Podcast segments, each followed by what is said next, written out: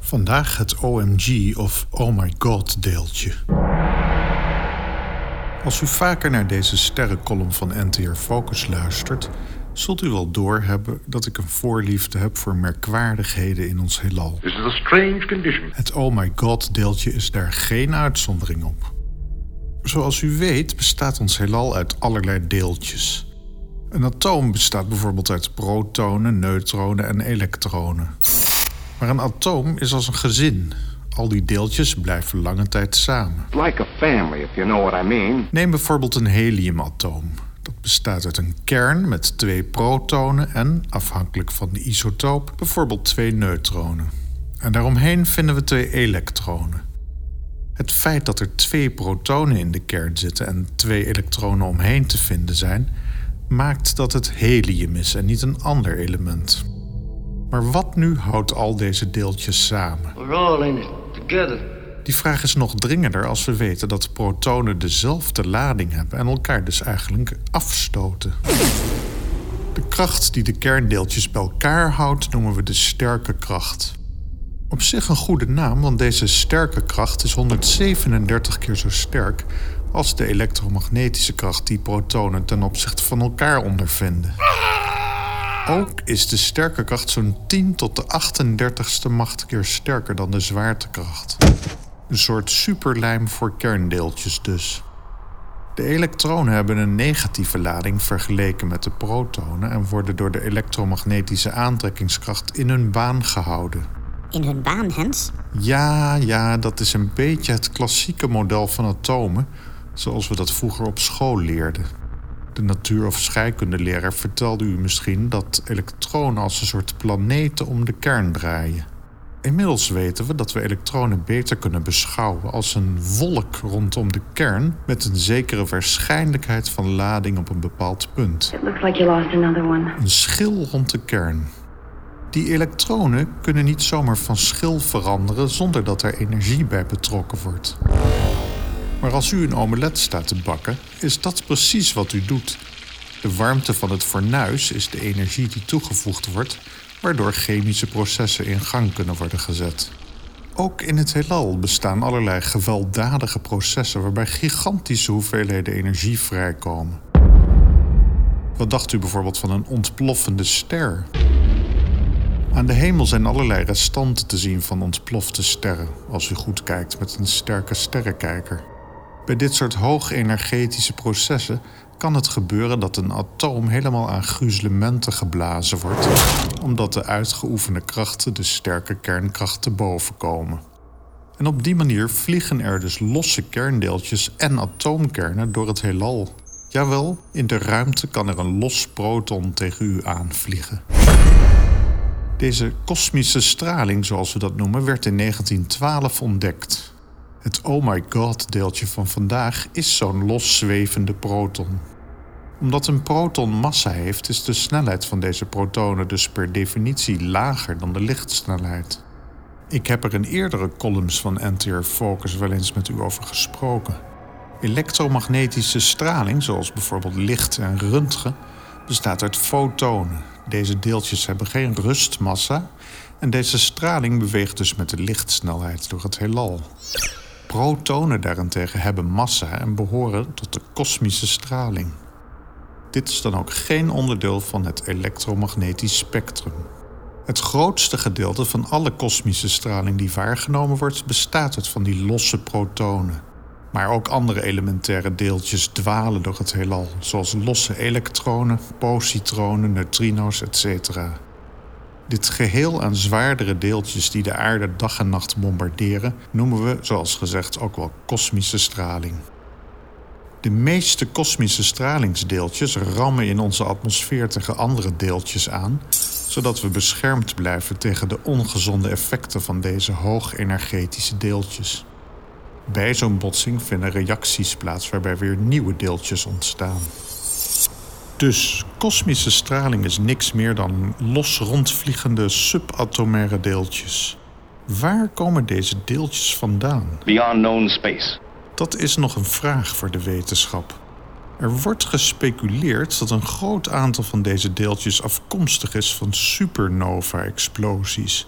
Dus ver, ver weg van ons zonnestelsel. Op 15 oktober 1991 werd in Utah in de Verenigde Staten een deeltje waargenomen dat onze aarde met bijna de lichtsnelheid bereikte. Of beter gezegd, het effect van het desintegreren van dit deeltje in onze atmosfeer werd waargenomen. De telescoop in kwestie was het Fly's Eye Observatory van de Universiteit van Utah. Dit instrument was speciaal ingericht om kosmische straling waar te nemen. In de nacht van 15 oktober werkte Stephen Luo in het geïmproviseerde gebouwtje waar de computers van het Fly's Eye Observatory stonden.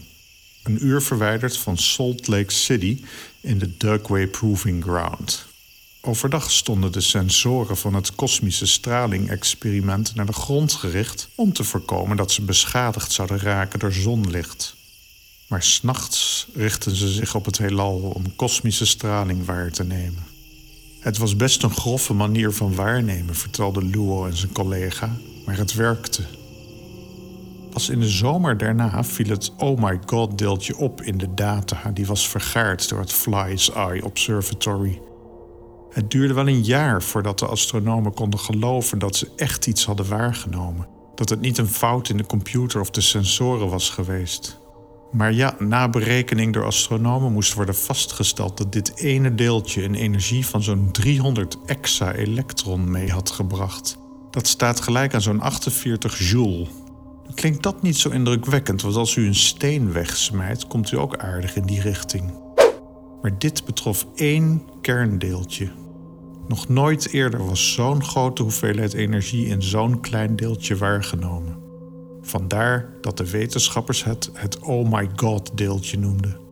Specifiek was het computerprogrammeur John Walker die het deze naam gaf. Er werd tot 1991 ook aangenomen dat het voor een subatomair deeltje onmogelijk was om zoveel energie te bevatten. Maar inmiddels zijn er nog een paar Oh my God deeltjes waargenomen, maar het blijft een zeldzaam verschijnsel. Voor de goede orde, een deeltjesversneller zoals de Large Hadron Collider is geen sinds in staat deeltjes van zoveel energie te voorzien. Er is nog iets vreemds aan dit deeltje. Het moet haast wel ontstaan zijn bij een zeer heftig proces, zoals een sterontploffing of een quasar of een supernova. Dus als er zo'n oh my god deeltje wordt waargenomen, dan ligt het voor de hand te gaan kijken naar de richting waar het deeltje vandaan is gekomen. Maar nu komt het meest mysterieuze gedeelte van het verhaal.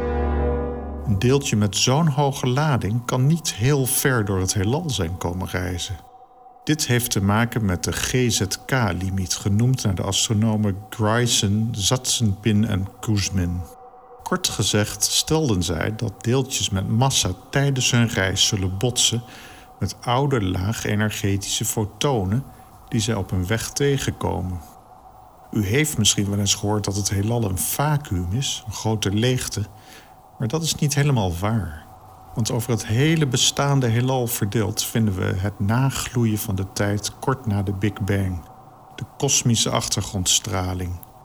Zo'n rondvliegende proton zal zoveel van deze fotonen tegenkomen dat het energie afstaat en dus afremt en minder sterk geladen zal worden. Maar het oh my god deeltje reist met bijna de lichtsnelheid en met een enorme hoeveelheid energie. Met kennis van nu denken astronomen dat zo'n oh my god deeltje maximaal 200 lichtjaar van ons vandaan ontstaan moet zijn bij een astronomisch proces. En als we dat weten en de richting waaruit de deeltjes komen, dan moet het in theorie super duidelijk zijn waar de oh my god deeltjes door ontstaan zijn. Dat zouden we gewoon aan de hemel moeten kunnen zien. Ook omdat het oh my god deeltje met bijna de lichtsnelheid reist, betekent het dat we ook ongeveer nu zouden zien welk proces hiervoor verantwoordelijk zou zijn. En dat is niet het geval.